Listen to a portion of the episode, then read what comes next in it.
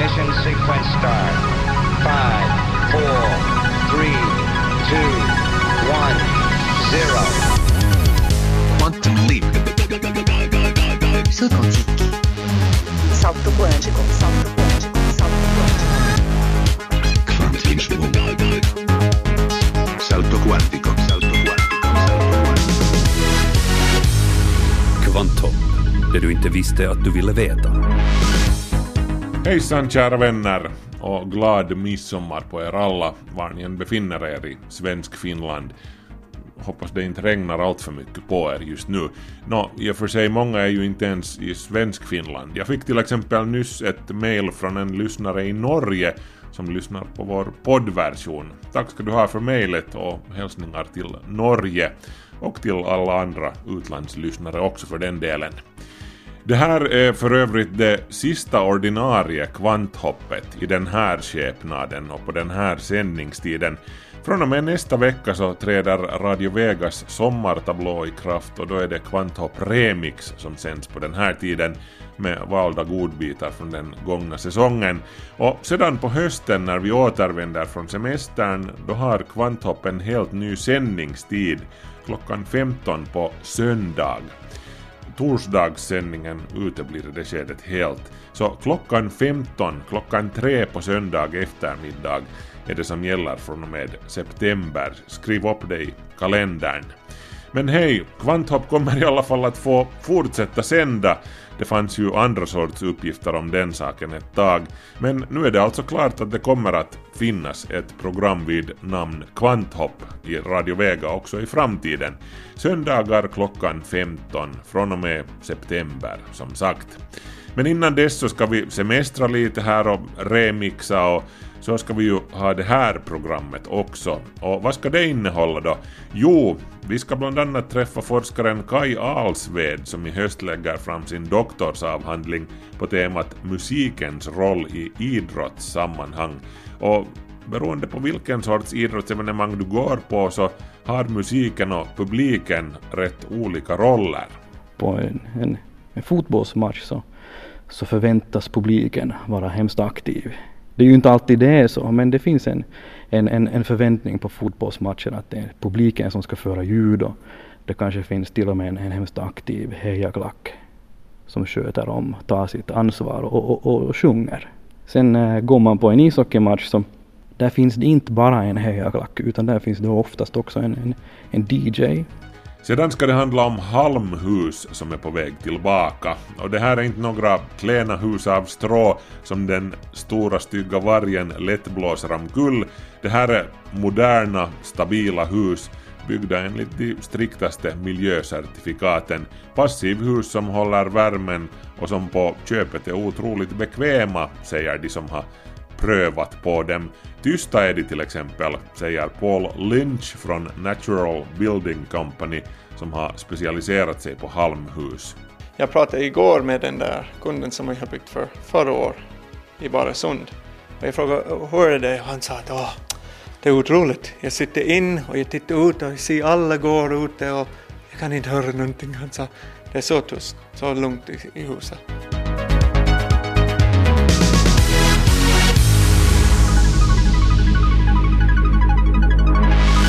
Sådant bjuder vi på i Kvanthopp idag. Notiserna på kommande. Kvanthopp snabela yle.fi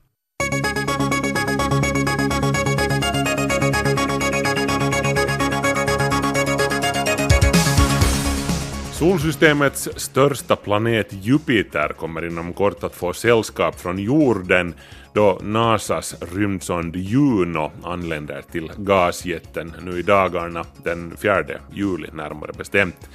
Juno kommer då att lägga sig i en elliptisk bana runt Jupiter som på sin lägsta punkt för sonden så pass nära de översta molnlagren som 4700 kilometer och det här är nära. Det är tio gånger närmare än det förra rekordet som sattes av rymdsonden Pioneer 11 1974. Eftersom Juno tidvis kommer att befinna sig innanför Jupiters starka magnetfält så kommer sonden att utsättas för kraftig röntgenstrålning Eh, något som man har tagit i beaktande genom att placera sondens elektroniska hjärna inuti ett skyddande titanskal som dämpar strålningen 800-faldigt.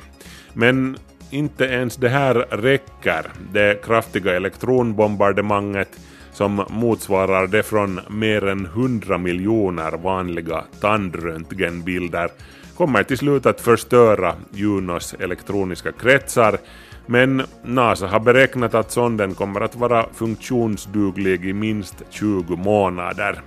Under den här tiden ska Juno studera bland annat Jupiters polarsken och det som pågår under planetens övre molnlager. Financial Times skriver att Kanada överväger att ta i bruk en virtuell valuta eller kryptovaluta, CadCoin, som baserar sig på samma teknologi som bitcoin, den nuvarande största globala virtuella valutan. Blockchain kallas den här tekniken som ligger bakom valutan som bland annat gör det omöjligt att råna en bank digitalt genom att hacka sig in i den eftersom pengarna inte ligger i en specifik bank. Åtminstone tills vidare så är det inte meningen att vanliga konsumenter skulle ta del av det här CAD-coin-experimentet utan den nya digitala dollarn skulle vara tänkt främst för transaktioner mellan de olika bankerna. Eh, bankerna skulle också vara tvungna att deponera riktiga kanadensiska dollars för att få tillgång till CAD-coins och centralbanken reserverar också rättigheten att förstöra CAD-coins om det blir nödvändigt. Också chefsekonomen vid Englands bank, Andrew Haldane, har talat för att Storbritannien också borde införa en liknande statlig kryptovaluta. Det finns eldrivna bilar, cyklar, drönare, till och med ubåtar, så varför har vi inga eldrivna flygplan ännu? Eh, nå, NASA vill ändra på det här och därför presenterade de nyss ett experimentellt eldrivet småplan, stort som en Cessna ungefär, kallat X-57 Maxwell efter skotten James Clerk Maxwell, elektromagnetismens pionjär. Eh, Nasas X-flygplan är en anrik serie experimentella plan som började 1947 med X-1 som var det första planet som flög fortare än ljudet. Men X-57 handlar inte om att flyga så fort som möjligt. Tvärtom så har man försökt ta fram ett plan som är väl lämpat för låga hastigheter med energisnålhet som ledstjärna. För det ändamålet är X57 utrustat med specialdesignade, väldigt smala vingar där det sitter inte färre än 14 elmotorer. 12 av dem är små, lätta motorer som används främst då planet ska lyfta och i vingspetsarna sitter sedan två större motorer som tar över sedan när planet har nått sin marschfart, i det här fallet 280 km i timmen. Att fördela den framdrivande kraften på så här många små elmotorer resulterar enligt NASA i en fem gånger mindre energiförbrukning än i ett normalt bränsledrivet propellerplan i samma storlek. De små elmotorerna sägs också göra planet oerhört tyst. När barn och unga mobbas på internet så handlar det oftast, överraskning, överraskning, om deras utseende. Sofia Berner är doktor i psykologi vid Göteborgs universitet och tillsammans med Ann Frisén, professor i psykologi, har hon skrivit boken Nätmobbning, handbok för skolan. I den här boken kan vi läsa att flickor oftast får höra att de ser feta ut medan pojkar mobbas för att de inte är tillräckligt muskulösa. Allt baserat på bilder som personen själv eller någon annan har lagt ut på sociala medier.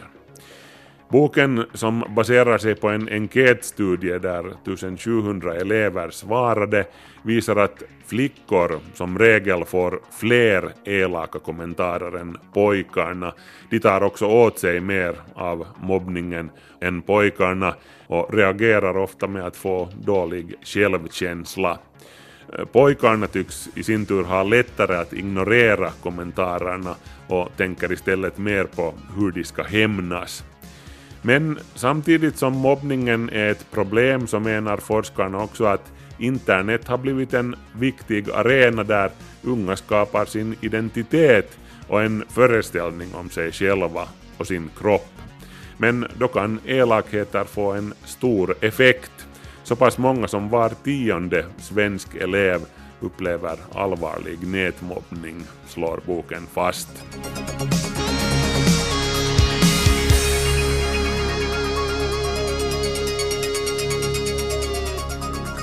Så här mitt i fotbolls-EM vet väl de flesta ungefär hur en match på TV låter.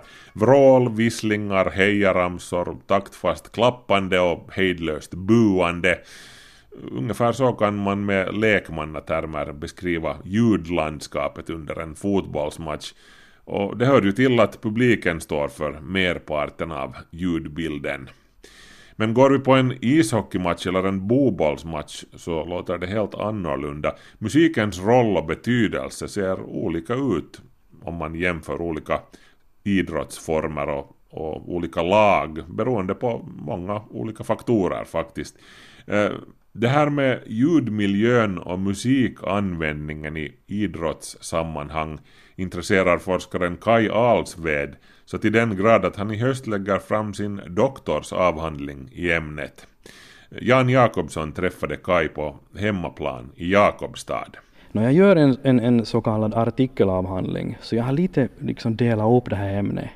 Så att, att olika artiklar har olika eh, infallsvinklar liksom på, på det här fenomenet musikanvändning under sportevenemang. Den här första artikeln som jag skrev, den, den, den, den där var, fanns det ganska mycket boboll med till exempel. Jag åkte iväg till Vimpel och lyssnade på bobollsevenemang och jämförde det liksom det ljudlandskapets strukturer med, med eh, fotboll och eh, ishockey. Och liksom gjorde liksom li, vissa jämförelser då att vad har man för förväntningar på hur ett, ett, ett, ett, liksom ett idrottsevenemang ska klinga. Det är ju ofta de här förväntningarna som liksom eh, skapar de här företeelserna som den sen blir till, till, till ljud. På en, en, en fotbollsmatch så, så förväntas publiken vara hemskt aktiv. Det är ju inte alltid det är så, men det finns en, en, en, en förväntning på fotbollsmatcher att det är publiken som ska föra ljud och det kanske finns till och med en, en hemskt aktiv hejaklack som sköter om, tar sitt ansvar och, och, och, sjunger. Sen äh, går man på en ishockeymatch så där finns det inte bara en hejaklack utan där finns det oftast också en, en, en DJ som spelar musik. Idag är det mer regel än undantag att det finns en, liksom en som har ett musikansvar på, på ishockeyevenemang i Finland. Det blir en hemskt in, intressant spänning mellan det här, den här inspelade musiken och det här som supporterna sjunger. De, de går inte alltid liksom ett i ett. Ett exempel på en riktig krock skedde i vintras under KHL-matchen mellan hemmalaget Jokerit i Helsingfors och gästande Sankt Petersburg SKA. Då det ryska motståndarlaget kvitterade spelades deras mållåt av DJn och så får man inte göra. Det är bara då hemmalaget gör mål som eh, det ska spelas mållåt. Så här skrev Kai Alsved om händelsen på sin blogg. Musikaliska symboler är viktiga för att knyta samman och upprätthålla föreställda gemenskaper. Visst, idrottslag representerar geografiska platser, men de är ändå föreställda gemenskaper i den meningen att de bygger på att människor framförallt upplever en samhörighet med laget och de övriga supportrarna. Hemmaarenan är här mera än bara en fysisk plats.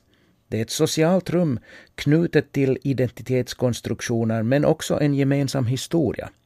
Det är framförallt på hemmaplan som gemenskapen manifesteras. Där visar sig den föreställda gemenskapen som kraftigast när hemmapubliken går in i ett gemensamt vi som ska stödja de namngivna spelarna som är utvalda att representera oss.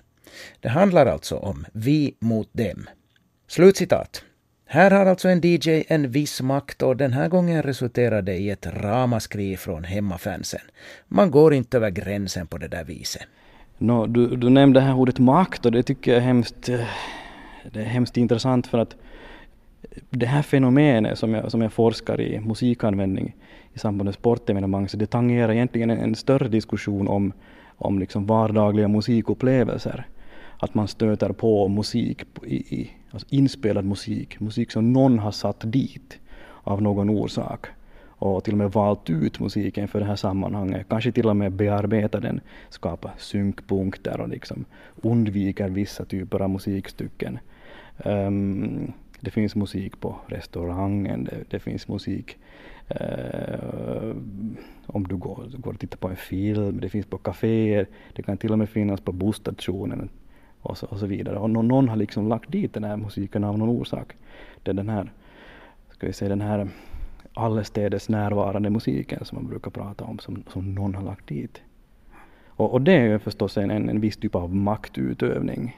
Att någon har liksom uh, ut, utövat sin makt och liksom kan, kan liksom utsätta andra människor för ska jag säga, sin musik.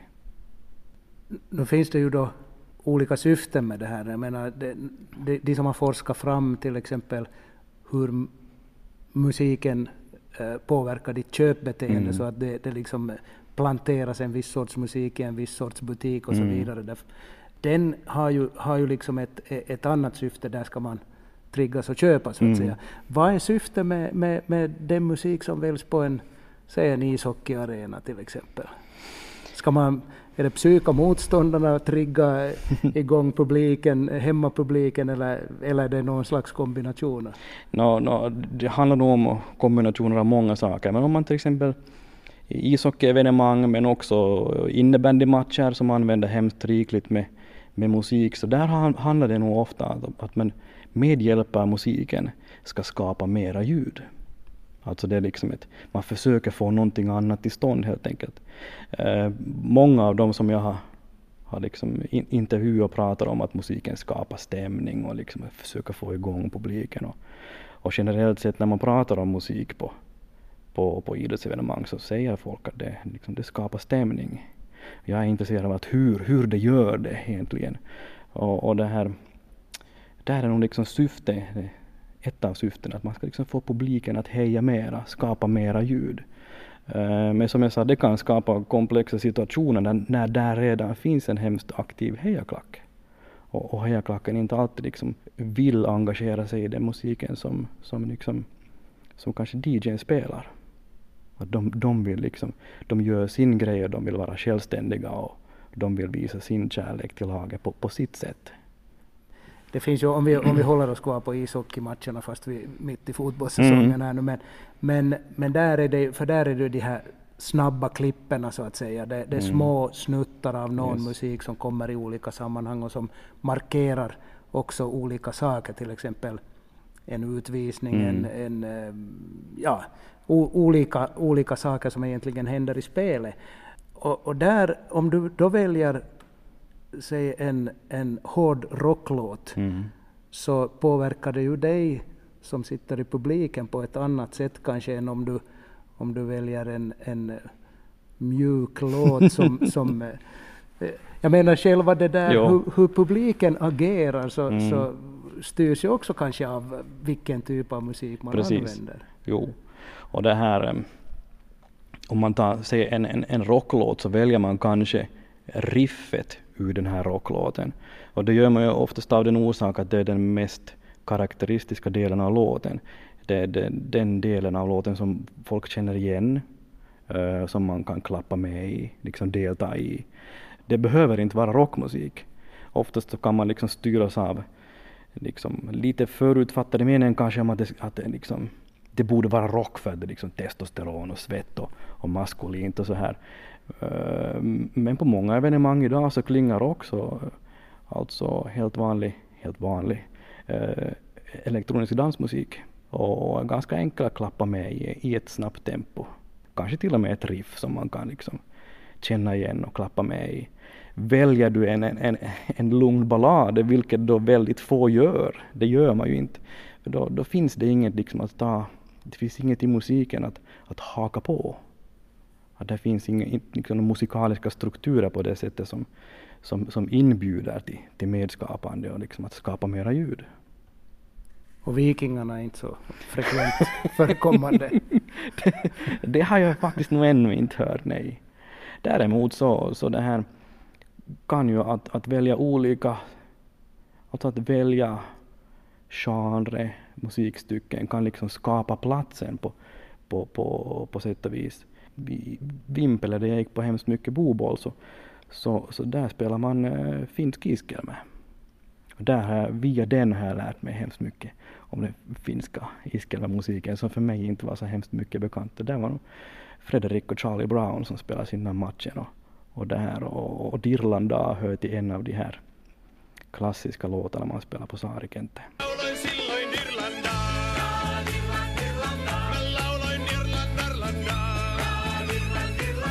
Man har liksom hört den här musiken i den här situationen hemskt länge.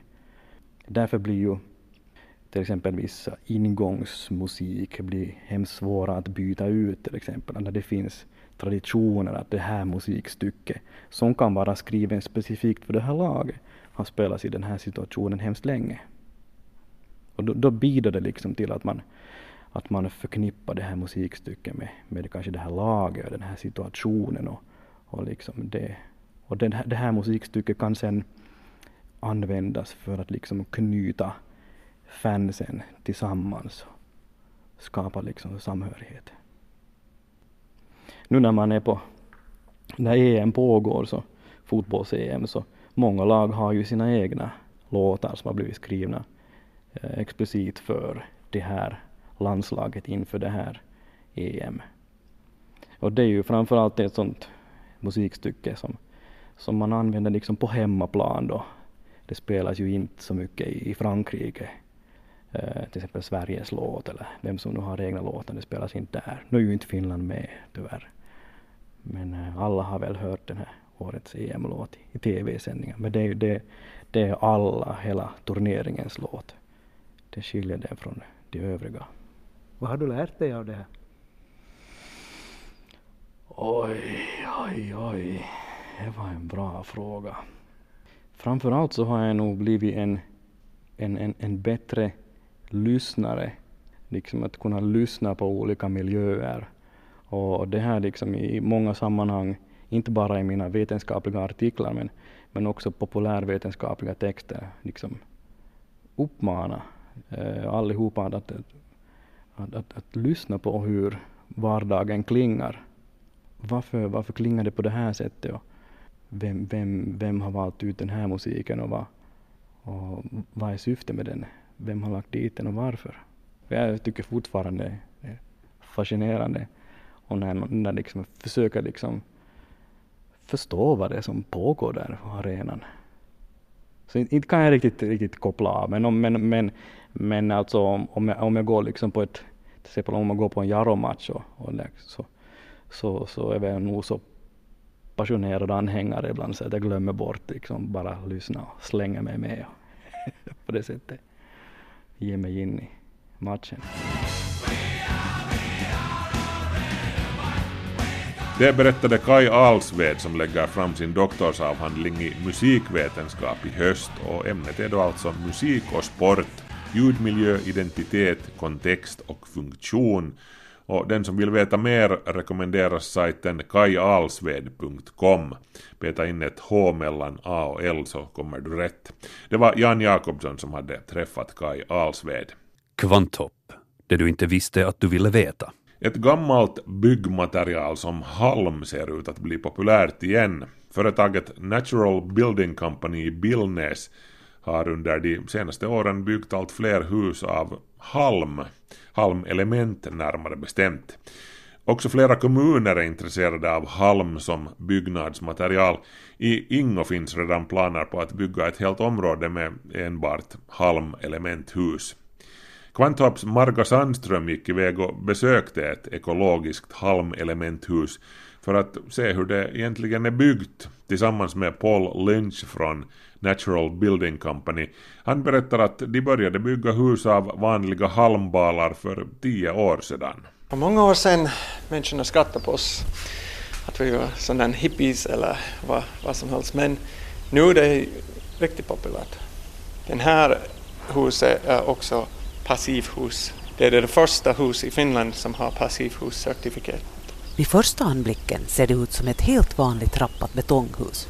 Men i själva verket är det ett halmhus som är byggt med den senaste tekniken, det vill säga utav ekokokun halmelement. Halmelementen kommer från ett företag i Litauen berättar Paul Lynch som är VD för Natural Building Company som specialiserat sig på att bygga ekologiskt hållbara hus av halm. Första element var bara sådana ram, fyrkantiga och de har tog mått från halmbalar och satte dem in i mitten. Men den här versionen idag, och det, de lagar med rundbalarna. Ekokokun-halmelementen liknar lite legoklossar. Inne i elementets trästomme finns hårdpressad halm. Och de har maskin som uh, skär uh, halm som sticker ut. Så det är jättetätt, det är jättefint och, och nu människorna förstår mycket bättre. Och de ser nu att här finns en element, en modul som vi kan ta till, till byggplats och bygga upp alla väggar för 100 meter kvadrathus i två dagar. Och det liknar som en legoplan. Vi har uh, sån en standardpanel som är 80 gånger 40 80 gånger 40 gånger 280. Det här är 40 centimeter brett. Yes.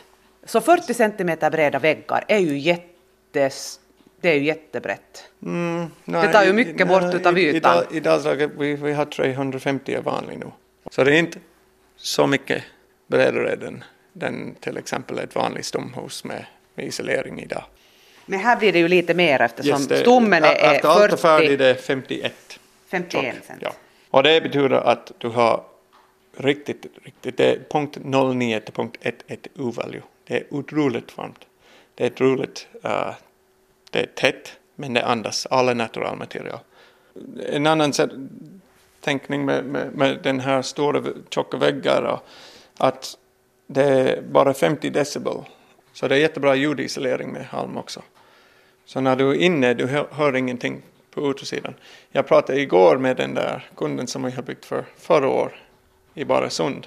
Och jag frågade hur är det? Och han sa att Åh, det är otroligt. Jag sitter in och jag tittar ut och ser alla går ute och jag kan inte höra någonting. Han sa det är så tyst, så lugnt i, i huset.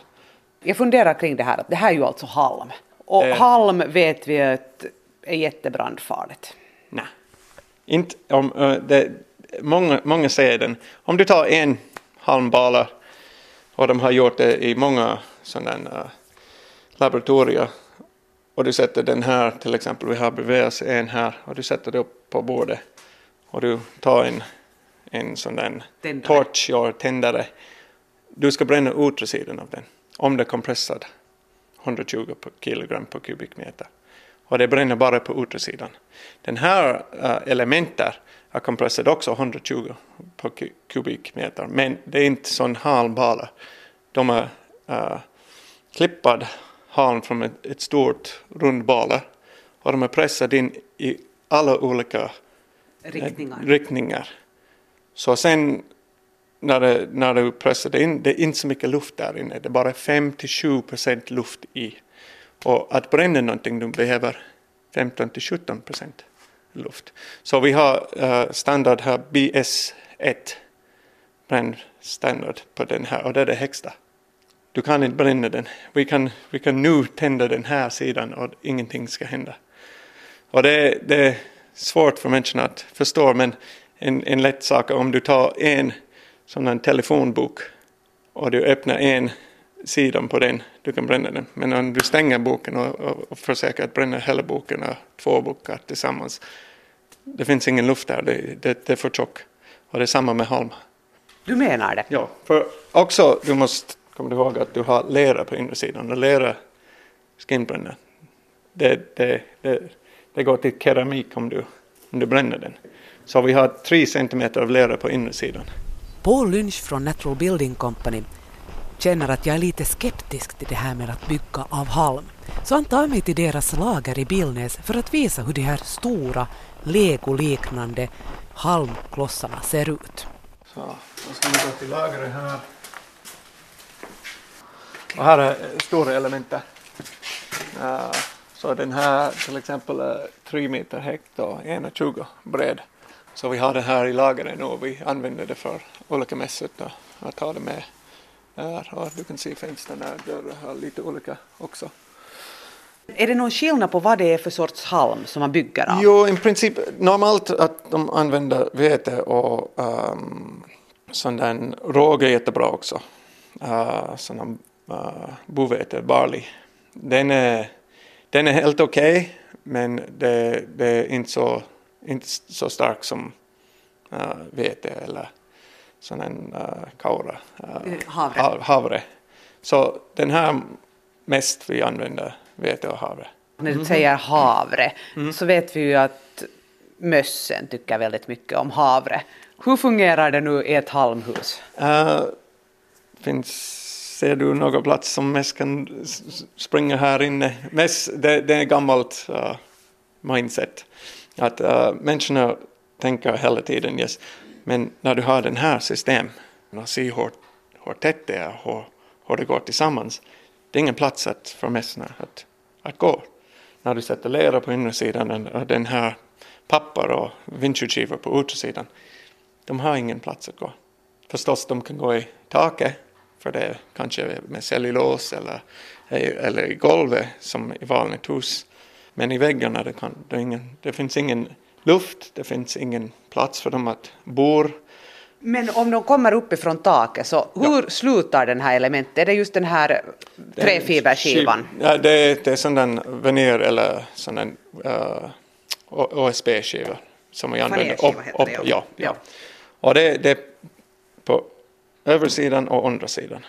Men ingen, inte på, på här sidan. På, inte på långsidan? Långsidan. För vi har, på långsidan vi har halm som sticker ut här i mitten också. Så när har två element kommer tillsammans, du har halm mot halm. Och det finns ingen luftspolt här i mitten. Ingenting, så det thermal bridge är nu stängd. Ett hus byggs utav de här elementen yes. som är gjorda utav träbattingar och eh, ha, halm. halm som är ihoppressat yes. jättehårt. Yes. Och sedan så sätter man då ett lager med lera. Tre centimeter av lera på insidan direkt på halm. Och på utsidan vi har ett uh, diffusion open papper. Vad är det här för papper? Det är uh, Proclima, vi heter den. Och det, det, diffusion open det betyder att det, det är helt öppen att andas men det är vattentätt på utsidan. Och vi sätter det på utsidan så det är tätt. Vi sätter det direkt samma dag och det är vattentätt på utsidan sen. Och när vi har taket på den på utsidan, vi, vi vet att om det regnar ingenting händer. Ingenting kommer in. Också, det betyder att den här huset är också passivhus. Så vi har fått den för två, för två månader sedan från Passivhusinstitut i, i Tyskland. Och det är också det första ekologiska hus i världen som är passivhusstandard. Så, så alla fuktighet går in och ut. Det kan gå båda sidan och det är viktigt. Vi har många sådana tester på alla halmhus som vi har byggt så vi kan visa att det fungerar bra. Paul Lynch från Natural Building Company berättar att de både under byggprocessen och då huset är i bruktaket följer med luftfuktigheten i halmstommen. Det här gör de för att på det sättet säkerställa att den ventilation man valt verkligen fungerar och att huset mår bra. Vi, vi sätter sån en uh, fuktighetsmätare i, i väggarna och lämnar den där för ett år, två år. För efter ett och två år, när människorna har bott där, sen du vet. Och det fungerar i huset och det är viktigt till exempel där i Baresund, den där stugan som vi har byggt förra året med, med den här elementen, de har fem fuktmätare nu.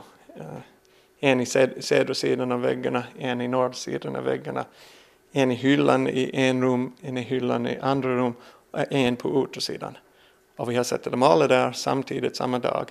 Och så vi lämnade dem där för ett år och vi testade hur det var för klimat ute, hur det fuktighet var i huset, och var det i väggarna.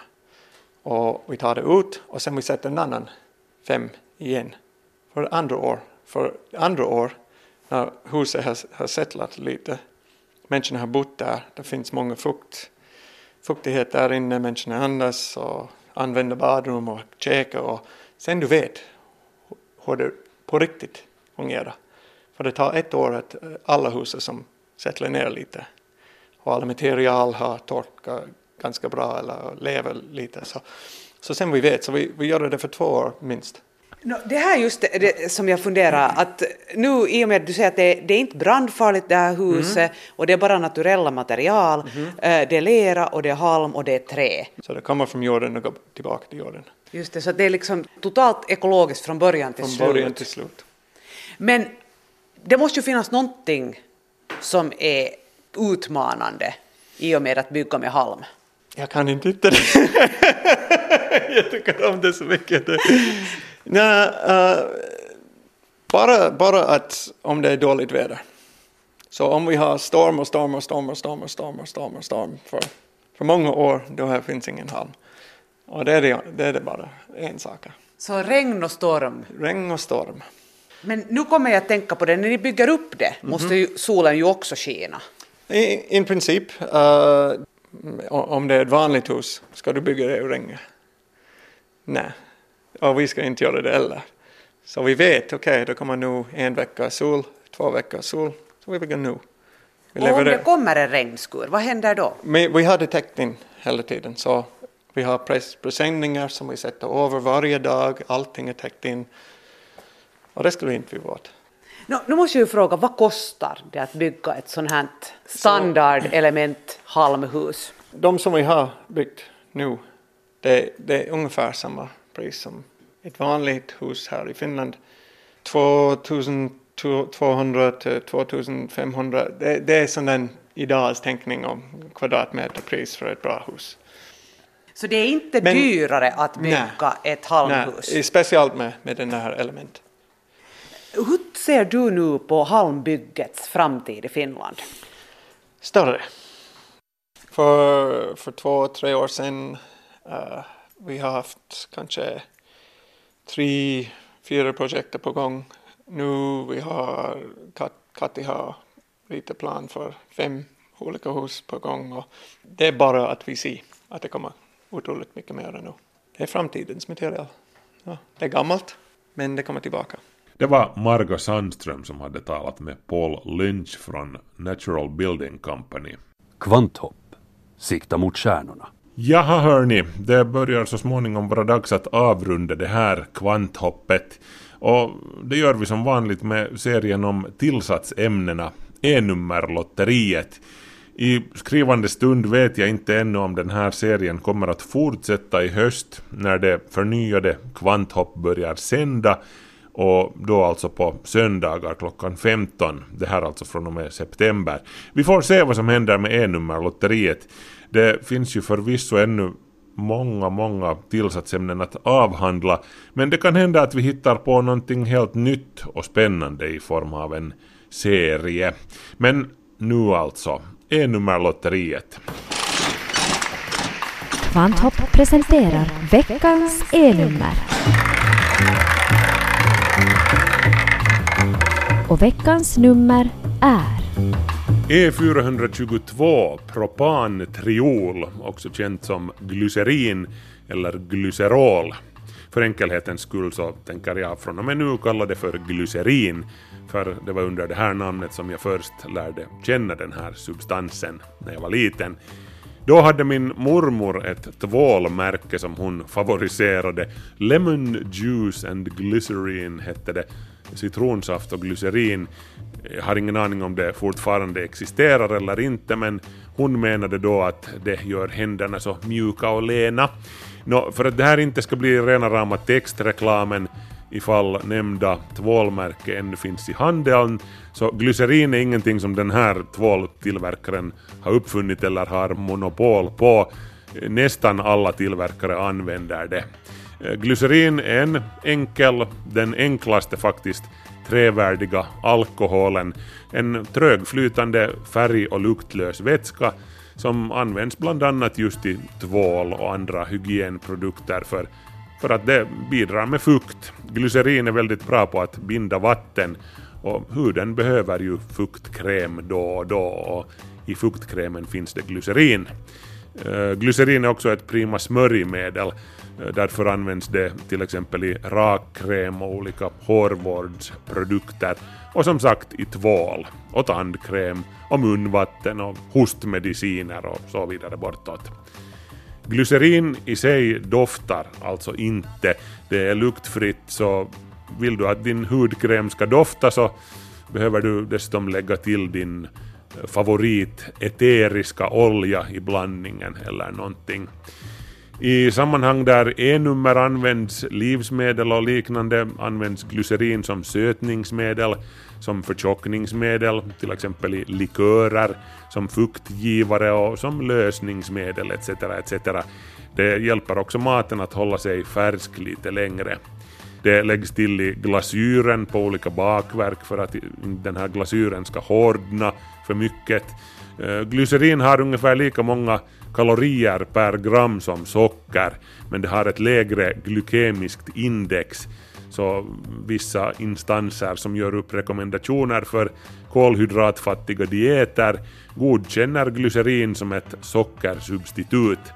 Det orsakar inte heller plack på tänderna på samma sätt som socker. I naturen spelar glycerin en väldigt viktig roll i och med att det fungerar som ett naturligt antifrysmedel. När hösten kommer med kölden så börjar grodorna till exempel förbereda sig för övervintrandet genom att öka på produktionen av glycerin i sina celler. Det här beror på att glycerin har en lägre fryspunkt än vatten, minus 37 grader Celsius, men också på att glycerinet hindrar vattnet från att bilda iskristaller inuti djurets celler.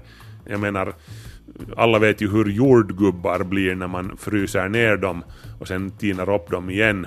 Det att de blir så mosiga beror just på att iskristallerna som vattnet bildar när det fryser söndrar jordgubbarnas cellväggar och sen blir det sylt av det, eller mos ska vi säga. Men det här undviker grodorna, alltså genom att fylla sina celler med naturens egen antifrysvätska, glycerin. Tidigare användes glycerin också som antifrysmedel i bilmotorer men ersattes senare med glykol som har en ännu lägre fryspunkt.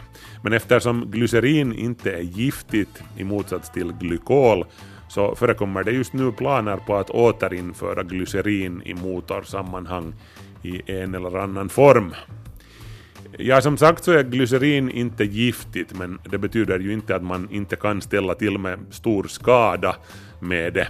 Alla är säkert bekanta med ordet nitroglycerin, även om få av oss i riktiga livet har hanterat det, hoppas jag åtminstone. Eh, glycerinets ester med salpetersyra kallas alltså för nitroglycerin och det är ju alltså ett kraftigt sprängämne. Men vill man vara lite fredligare av sig, och vem vill nu inte det, så kan man ju alltid köpa hem lite glycerin från apoteket och blanda det i såpbubbelvattnet när barnen ska ha kalas. Glycerinet får bubblorna att hålla bättre. Du har hört Kvanthopps E-nummerlotteri E422 propan, triol eller glycerin. Och här tar E-nummerlotteriet sommarpaus. Vi hörs kanske en annan gång i E-numrens tecken.